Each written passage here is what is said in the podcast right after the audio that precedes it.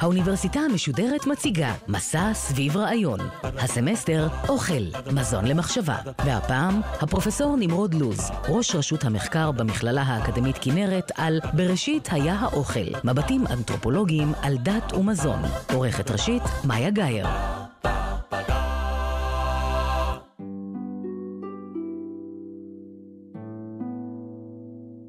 בראשית היה האוכל. כך עולה מעיון בסיפורי הבריאה של דתות שונות, בהם מתברר כי לאוכל תפקיד מרכזי בהיווצרותו של העולם, ועוד יותר מכך, בהחזקתו השוטפת ובניהול דרכם של המאמינים במסגרתו. כך למשל, אחת מחובותיו של אברהמין, הקסטה העליונה בתפיסה ההינדואית, היא הלוקה פטקי, מונח בסנסקריט שפירוש אפשרי לו הוא לבשל את העולם. המזון שאברהמין מבשל משמש לתחזוקתו של העולם, משום שהוא מאפשר לאלים לסעוד מהמזון המבושל המועדף עליהם, ולקדשו בתמורה בעבור בני האדם. בתיאור הבריאה ביהדות, האנושות מתחילה את חייה בגן העדן, ואז הסיפור מקבל תפנית דרמטית בשל אכילת תפוח. ואילו כאשר מאמיניו של הנביא מוחמד שאלו אותו אודות טיבה של האמונה, תשובתו הייתה להציע מזון ולברך לשלום. אם כן, שלום לכן ולכם. שמי נמרוד לוז, וברצוני לדבר היום על הקשרים המורכבים והמרתקים שבין דת ואמונות דתיות למזון. במסגרת מחקריי במכללה האקדמית כנרת, אני עוסק בהיבטים אלה בעיקר מהכיוון האנתרופולוגי, המתמקד בתפקידה של תרבות בחיינו, וחוקר כבר שנים לא מעטות סוגיות דתיות והיבטים שונים של מזון בחיינו. בהרצאה הזו ננסה להבין את הקשרים השונים בין דתות לאוכל, ונצביע על מרכזיותו של האוכל בתפיסות דתיות, ויתרה מזו, את חשיבותו העקרונית לאמונה ודת. בתחילה אתייחס לגישות אנתרופולוגיות לדת, ולאחר מכן יוצגו תפקידים ומשמעויות שונות של מזון במערכות דתיות שונות.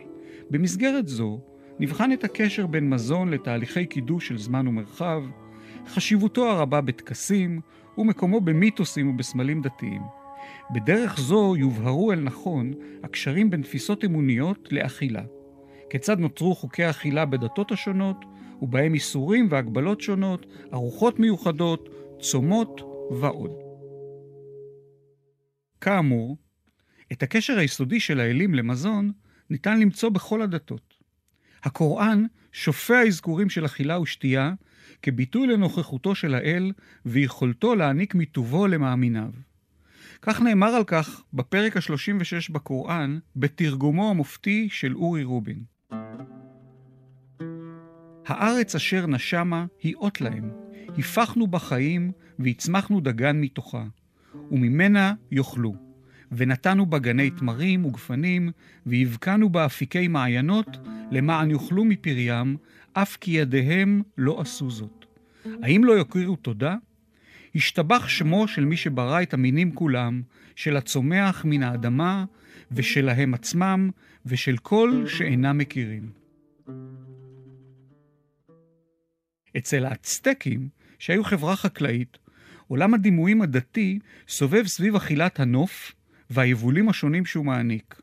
כך למשל, המיתוס של האלה תלה צ'וטלי מספר כי גופה המבוטר על ידי אלי השמיים והאיברים המבוטרים לאחר שעברו טרנספורמציה של התקדשות, הופכים להיות הבסיס לאדמה הפוריה והמעניקה חיים.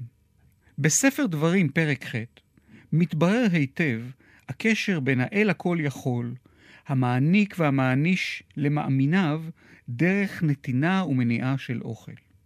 וכך נאמר: וזכרת את כל הדרך אשר הוליכך אדוני אלוהיך זה ארבעים שנה במדבר. למען ענותך לנסותך לדעת את אשר בלבביך, התשמור מצוותיו אם לא. ויענך, וירעיבך, ויאכילך את המן אשר לא ידעת, ולא ידעון אבותיך, למען הודיעך כי לא על הלחם לבדו יחיה האדם, כי על כל מוצא פי אדוני יחיה האדם.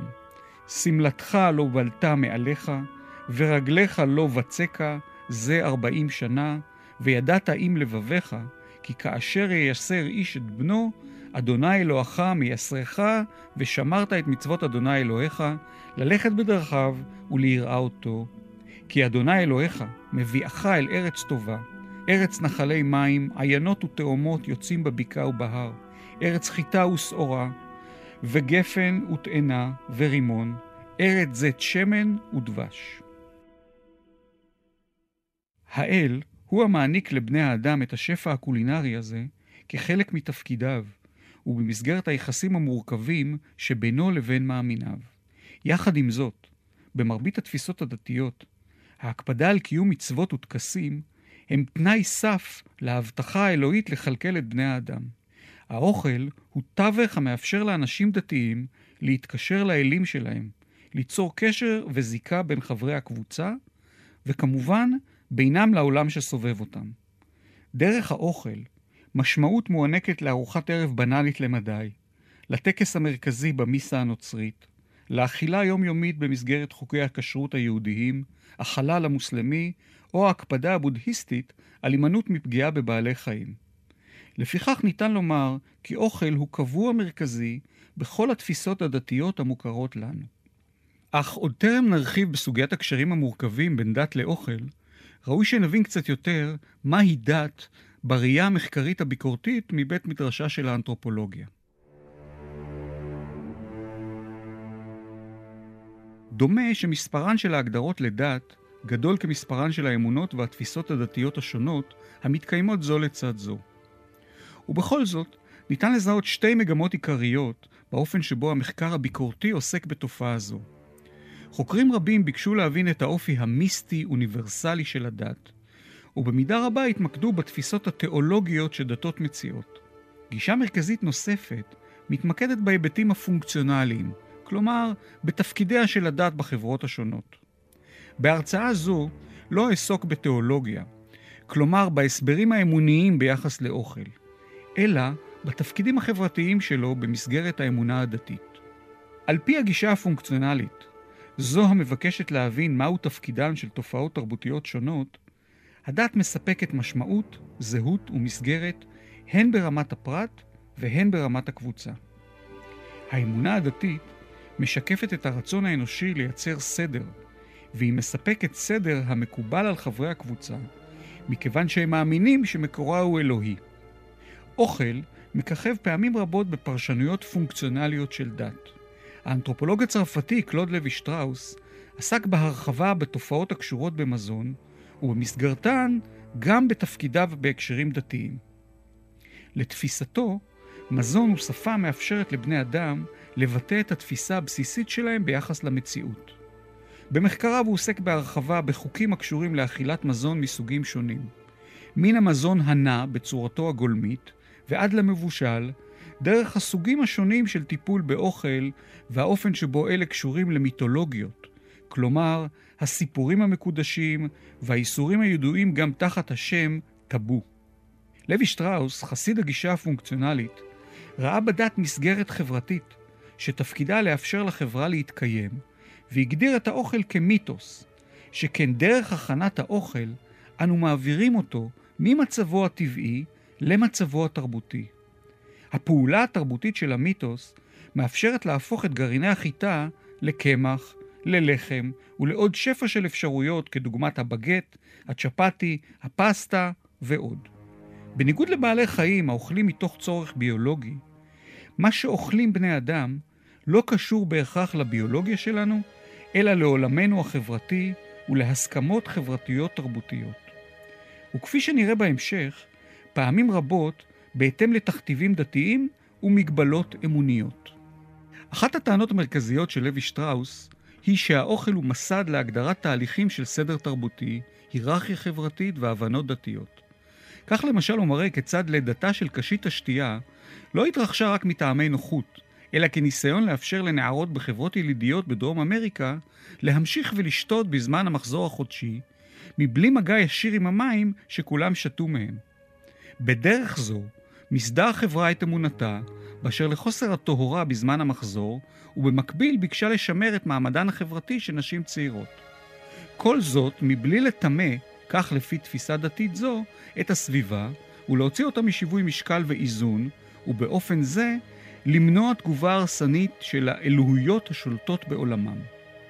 בדומה לכך, מציג לוי שטראוס את הלעיסה הרעשנית של האוכל על ידי השאמן, אותו מתווך בין עולם הרוחות לחברת בני האדם, כדרך למנוע מהרוחות לשבש את עולמנו. מבט מרתק על האופן בו מזון מאפשר לייצר גבולות בין קדושה לטומאה ומספק זהות, סדר וגבולות חברתיים, מעניקה לנו מרי דגלס, חוקרת בריטית שהתמקדה במרכיבים הסמליים סמיוטיים של מזון. בספרה טוהר וסכנה היא מציגה תיאוריה לפיה חוקי הכשרות הם ביטוי למערכת של סמלים וסימנים שתכליתם יצירתו של סדר קוסמי בעבור המאמינים. חוקי האכילה, דהיינו מנהגי הכשרות, של בני ישראל המקראיים, היא טוענת, היו דרך לפקח על גבולות הטהורה של הקבוצה ולמנוע מפגש או חדירה של קבוצות אחרות לא יהודיות שנתפסו כמאיימות על הסדר החברתי. להיות קדוש ולהיות נפרד, ובני ישראל היו לטהורים משום שהקפידו על הגבולות למול תפיסות דתיות מתחרות. ההפרדה הזו התאפשרה על ידי הקפדה על חוקים ברורים לגבי האוכל, שאפשרו להבחין מי בחוץ ומי בפנים. חוקי הכשרות עוסקים בעיקר בהגדרה והבחנה בין הטהור לטמא ולמזהם. זיהום, מבהירה לנו דגלס, אינו בכך הלא נקי, אלא חומר שאינו מונח במקומו, ובשל כך מעורר מתח וחרדה חברתיים. נקל להסביר זאת ביחס לשיער. כל עוד הוא במקומו הטבעי על הראש, הוא מקור לגאווה, לעתים ליופי. אך חישבו על שערה שאינה במקומה, ותגובתנו למציאתה במקומות שלא ציפינו להם. שמירת הטהורה של המזון ושל הגוף מאפשרת, אם כן, לחזק את הגבולות של החברה היהודית, ובהמשך לכך את דתה. וכך היו חוקי הכשרות לאורך מאות בשנים לסמל מובהק של זהות יהודית. התיאוריה הסמלית-פונקציונלית של דגלס מבהירה היטב מדוע מזון הוא חלק כה מרכזי בדת, ומדוע דתות טורחות ועוסקות במזון וביצירת תחומים וגבולות למותר, לאסור, ולזמנים השונים לפעולות שונות הכרוכות באוכל ובאכילה. כך למשל, במערכת החברתית ההינדואית, המורכבת מקסטות שונות, הגבולות החברתיים נשמרים באמצעות הקפדה על כללים ברורים ביחס למי מותר לבשל למי ולמי מותר לאכול עם מי. אברהמינים, הקסטה הגבוהה בחברה ההינדית, שומרים על טהרתם על ידי הימנעות מאכילת מזונות שלא הוכנו על ידי ברהמין, בעוד שאוכל שהוכל על ידי ברהמין מותר לכל הקסטות. כפי שהזכרתי בראשית הרצאתי, על פי המיתוס ההודי, אברהמין מייצר את העולם באמצעות הבישול המוגש כקורבן לאלים, ובכך מבצע תפקיד דתי חשוב במעלה. באופן זה, בדומה לכהנים אחרים, הוא ניצב בין הקהילה הדתית לבין האלים דרך הכנת האוכל.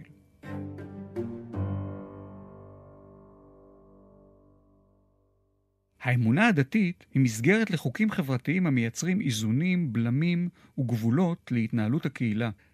אך לדת שמור תפקיד נוסף בהיותה המרחב בו אנו פוגשים את הנשגב, המזוקק למונחי קדושה, ומובן פעמים רבות כאל או כישות אלוהית.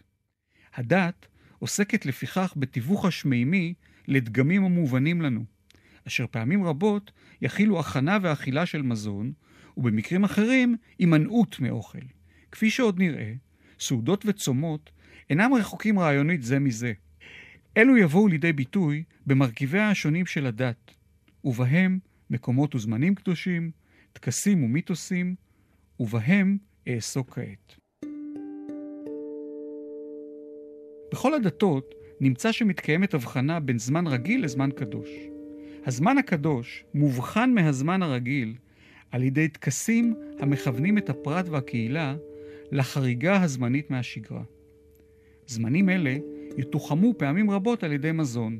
ארוחת יום השישי ביהדות, המתרחשת לאחר ביצוע הקידוש, דהיינו תפילה המבחינה ומייצרת את השבת כזמן נבדל ממה שקדם לו וממה שיגיע אחריו. ארוחה זו מתנהלת כטקס, במובן זה שיש בה כללים ברורים, חזרתיות, פומביות, שימוש בחפצים מקודשים, ובוודאי במתכונים ייחודיים. השבת היא טקס המחזיר ומזכיר למאמינים את מעשה הבריאה, וכרוך בין השאר בהתענגות על מעשה הבריאה.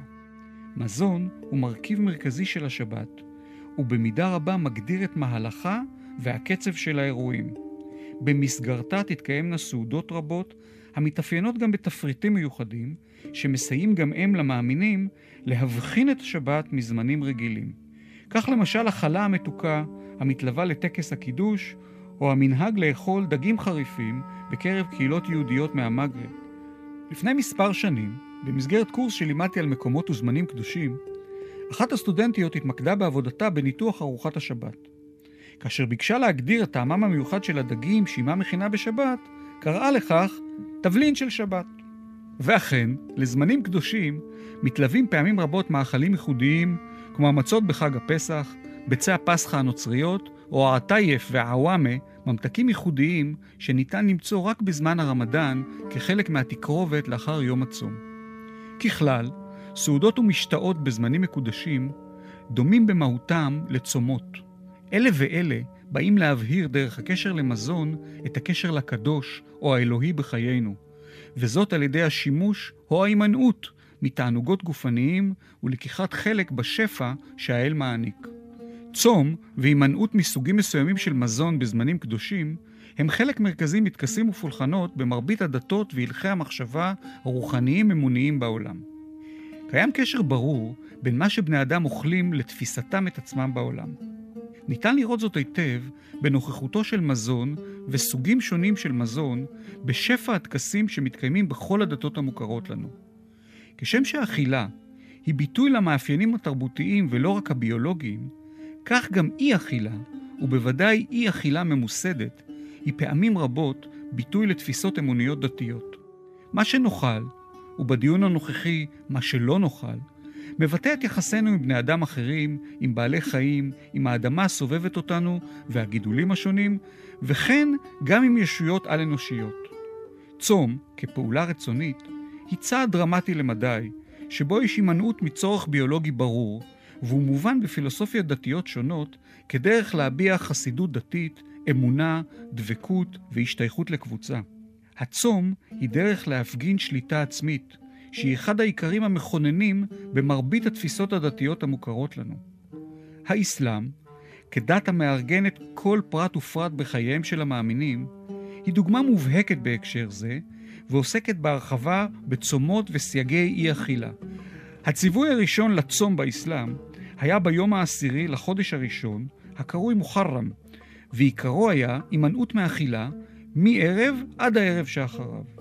צום זה, הקרוי עשורה, התקיים במקביל ליום הכיפורים היהודי הנחוג בי' בתשרי, וככל הנראה בהשראתו. ועד היום יש מאמינים המקיימים אותו כצום רשות. אך עם התרחקותו של מוחמד מהיהודים, לאחר שלא קיבלו את תפיסותיו, ירש את מקומו צום חודש הרמדאן, שהוא אחד מחמש מצוות היסוד באסלאם. וכך מופיע הדבר בפסוקים 184-185 של הסורה השנייה בקוראן. הוי המאמינים, נכתב בספר, כי מצווה עליכם לצום, כשם שנכתב על כל אלה שהיו לפניכם, למען תהיה בכם יראה. צומו ימים ספורים, אשר לחולה אשר בכם, או לנוסע הדרך, יצום ימים אחדים כמספר הזה. על המסוגלים לצום ואינם צמים, לתת כופר נפש, להאכיל נזקק אחד. חודש רמדאן הוא אשר הורד בו הקוראן ממרומים, למען יביא לאנשים הדרכה ואותות נהירים המעידים על דרך הישר ועל הישועה. על כל אחד מכם הנוכח בביתו בחודש זה לצום בו, ועל החולה או הנוסע בדרך לצום מספר ימים אחדים. אלוהים חפץ להקל עליכם, ואינו חפץ להקשות עליכם, למען תוכלו להשלים את המספר, ולמען תפארו את אלוהים על כי הנחה אתכם, ולמען תכירו טובה.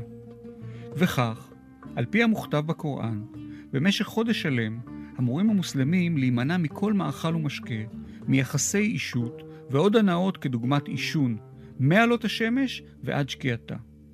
וכך, האכילה וההימנעות ממנה הופכים להיות מגדירי הגבולות הברורים של ימי הצום. החג המציין את סיום הרמדאן הוא עיד אל-פיטר, חג שבירת הצום, שהוא באופן מעשי שלושה ימים של פסטיבל חברתי, גדוש אירועים, מפגשים, פעילות משפחתית וקהילתית, וכולם כמובן מתובלים באכילה רבה.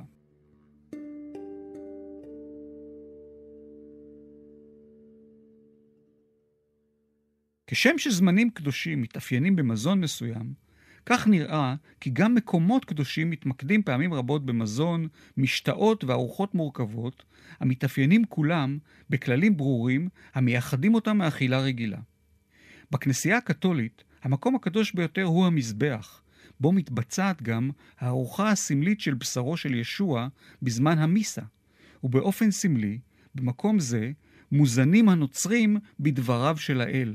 בהילולות צדיקים, המתקיימות על פי רוב ביום פטירתם באתר ציון קבורתם, נהוג לקיים סעודות מצווה, בהן מחולק אוכל רב לבאים, בדרך כלל מתרומות של נדבנים.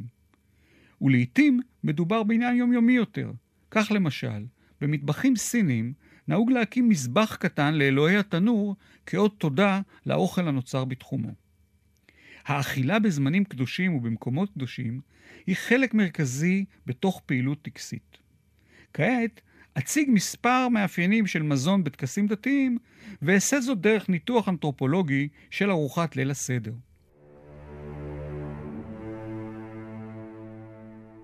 טקסים הם לחם חוקה של האנתרופולוגיה, וזאת משום שטקסים הם האופן שבו חברה יוצאת לאור ועושה פומבי את תרבותה ותפיסותיה, כלומר האופן שבו היא מבינה את העולם. נתקשה עד מאוד למצוא טקס דתי שמזון אינו מהווה חלק ממנו. ביהדות, מלידה ועד מוות, מרובים הטקסים, ובכולם נמצא שתהיינה אכילה משותפת או הזנתם של המשתתפים. טקסי ההשכבה הקתולים ידועים לא רק באכילה המרובה, אלא גם בצריכה ניכרת של אלכוהול. באסלאם, לעומת זאת, יחולקו למנחמים תמרים במשורה וקפה מר במסגרת שלושת ימי הישיבה בסוכת האבלים. אחד הטקסים המורכבים יותר, שכולו, כך אטען, סובב סביב האוכל, הוא ליל הסדר, העומד במוקד חג הפסח, שבמסגרתו נחווה מחדש בכל שנה תהליך הפיכתם של העברים לקבוצה מגובשת ואחודה. אני חוזר למרי דגלס, שמציעה לנו להסתכל על ארוחה כשפה, כלומר כתהליך סמיוטי שניתן לפענח את המשמעויות המקודדות בו כדרך להבין את החברה שיצרה אותו. נתבונן לשם כך בסעודת הפסח, המהווה את ליבו של ליל הסדר. סדר הפסח, שעיקרו סעודת הפסח, הוא טקס, שבו האוכל, הכנתו, הגשתו ואכילתו מהווים את הציר המארגן. הסעודה מכתיבה את קצב הדיון המרכזי, שסובב סביב קריאת ההגדה והעברת המסר המרכזי של הסדר, של הפיכתם של העברים לעם, לקבוצה מגובשת, שלה מערכת מנהגים ואמונות משותפים. ליל הסדר הוא אוסף של מנהגים, טקסים וטקסטים שהתקבצו מאז ימי הבית השני. המבנה היסודי של ליל הסדר הוא האספה של המשפחה או המשפחות לספר ביציאת מצרים ולערוך זבח משותף.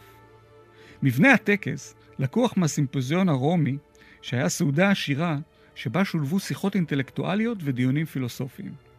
מבנה הארוחה הרומית מכתיב במידה רבה את הדיון והקצב של סעודת ליל הסדר. מתחילים בשתיית יין, ולאחריה אוכלים ירק ירוק מרובה סיבים, לסייע לעיכול, ולהכין את הסועדים לאכילת הבשר לסוגיו. סעודת ליל הסדר מתקיימת לאחר הדיון הנקרא מגיד, אשר בסיומו מגיעים לארוחה המרכזית, היא השולחן עורך. לאחריה תתקיים אכילה נוספת של הצפון, הוא האפיקומן, שמסמל את קורבן הפסח. האוכל, הכנתו, הגשתו, עריכת השולחן, קצב האכילה, סדר האכילה, הם הלב הפועם והכוח המארגן של הסדר. החל מאיסור אכילת החמץ והוצאתו מהבית, חובת אכילת המצה כעיקרון מכונן של החג כולו, תפקיד האפיקומן בסעודה, טקסי היין השונים, וכמובן המאכלים וסדר הופעתם בארוחה. כל אלה הם ביטוי לקודים חברתיים שמתבהרים לחברי הקבוצה תוך כדי הסעודה. ליל הסדר הוא דוגמה מובהקת לאופן שבו הדת ערוגה ושזורה באוכל ולאופן שבו האוכל מבטא תהליכים דתיים. ארוחת ליל הסדר מנציחה ומקשרת את היהודים כיום עם בני ישראל המקראיים דרך המנות והמרכיבים הייחודיים לה, כמו העשב המר, קורבן הטלה או הלחם שנעשה בחופזה. האוכל בארוחה היהודית מכל מאפשר חיבור לזמן קדוש ולאל. גבולות קדושים של מקום וזמן ופעולות טקסיות מתקיימים ומסופרים על ידי סיפורים קדושים או מיתוסים. עבור המאמין, המיתוס נכון יותר מכל עובדה, וזאת משום שזו הדרך בה האל או האלים עשו זאת. הטקס הנוצרי המרכזי, המתקיים במסגרת המיסה, הוא חיקוי סעודת האדון האחרונה, שהיא כמובן ליל הסדר היהודי, וידוע בשם אוכריסטיה אצל הקתולים, או ליטורגיה קדושה אצל היוונים אורתודוקסים. במסגרתו מתרחש תהליך ניסי של הפיכת הלחם והיין לבשרו ודמו של ישוע. וכך מציג זאת שאול התרסי הוא פאולוס, מחשובי ממשיכיו של ישוע, באיגרת הראשונה אל הקורינטים. אכן אני קיבלתי מאת האדון את אשר מסרתי לכם, שהאדון ישוע בלילה שהוסגר בו, לקח את הלחם, ברך, בצע אותו ואמר, זה גופי הנבצע בעדכם, זאת עשו לזכרי. כן גם לקח את הכוס לאחר הסעודה ואמר, הכוס הזאת היא הברית החדשה בדמי, זאת עשו לזכרי בכל עת שתשתו. הן בכל עת שאתם אוכלים את הלחם הזה ושותים מן הכוס הזאת, אתם מזכירים את מות אדוננו עד שיבוא. המאמינים מחויבים לבצע את סדרת הפעולות המיתיות האלה במדויק, שכן על פי התפיסה הדתית, אלו פעולות המשמרות את הסדר העולמי האלוהי. זאת למרות שפעמים רבות נמצא שקהילות דתיות נחלקות ביחס לסדר הפעולות או הדרך לפרש או לבצע את הטקסים הקדושים. במקרה הנוצרי, האוכל וטיבו בתוך טקס האוכריסטיה הפכו להיות ביטוי למחלוקות עמוקות המשסעות את העולם הנוצרי עד ימינו.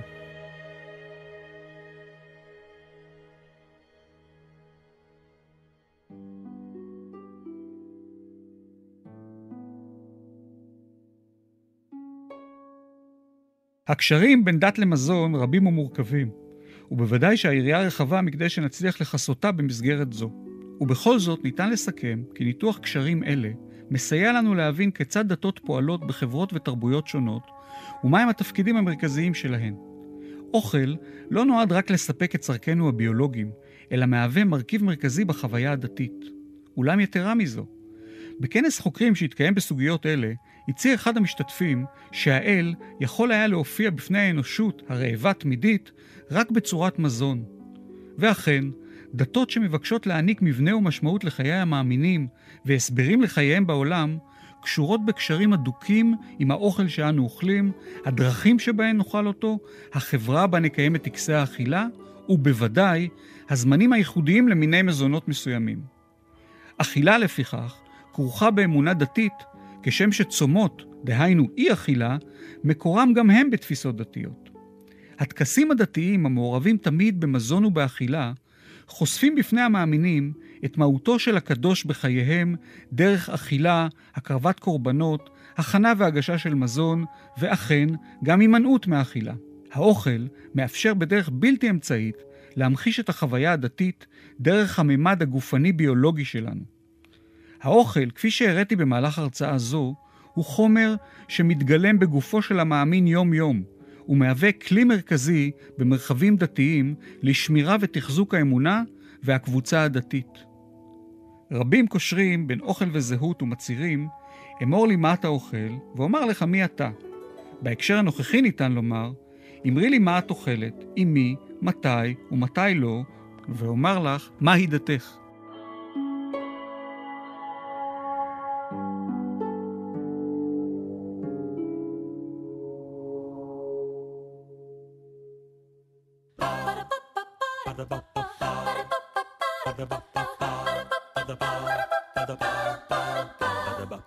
האוניברסיטה המשודרת, מסע סביב רעיון. הפרופסור נמרוד לוז, ראש רשות המחקר במכללה האקדמית כנרת על בראשית היה האוכל, מבטים אנתרופולוגיים על דת ומזון. עורכת ראשית, מאיה גאייר. עורכת ומפיקה, נוגה סמדר. האוניברסיטה המשודרת, בכל זמן שתרצו, באתר וביישומון גלי צה"ל ובדף הפייסבוק של האוניברסיטה המשודרת.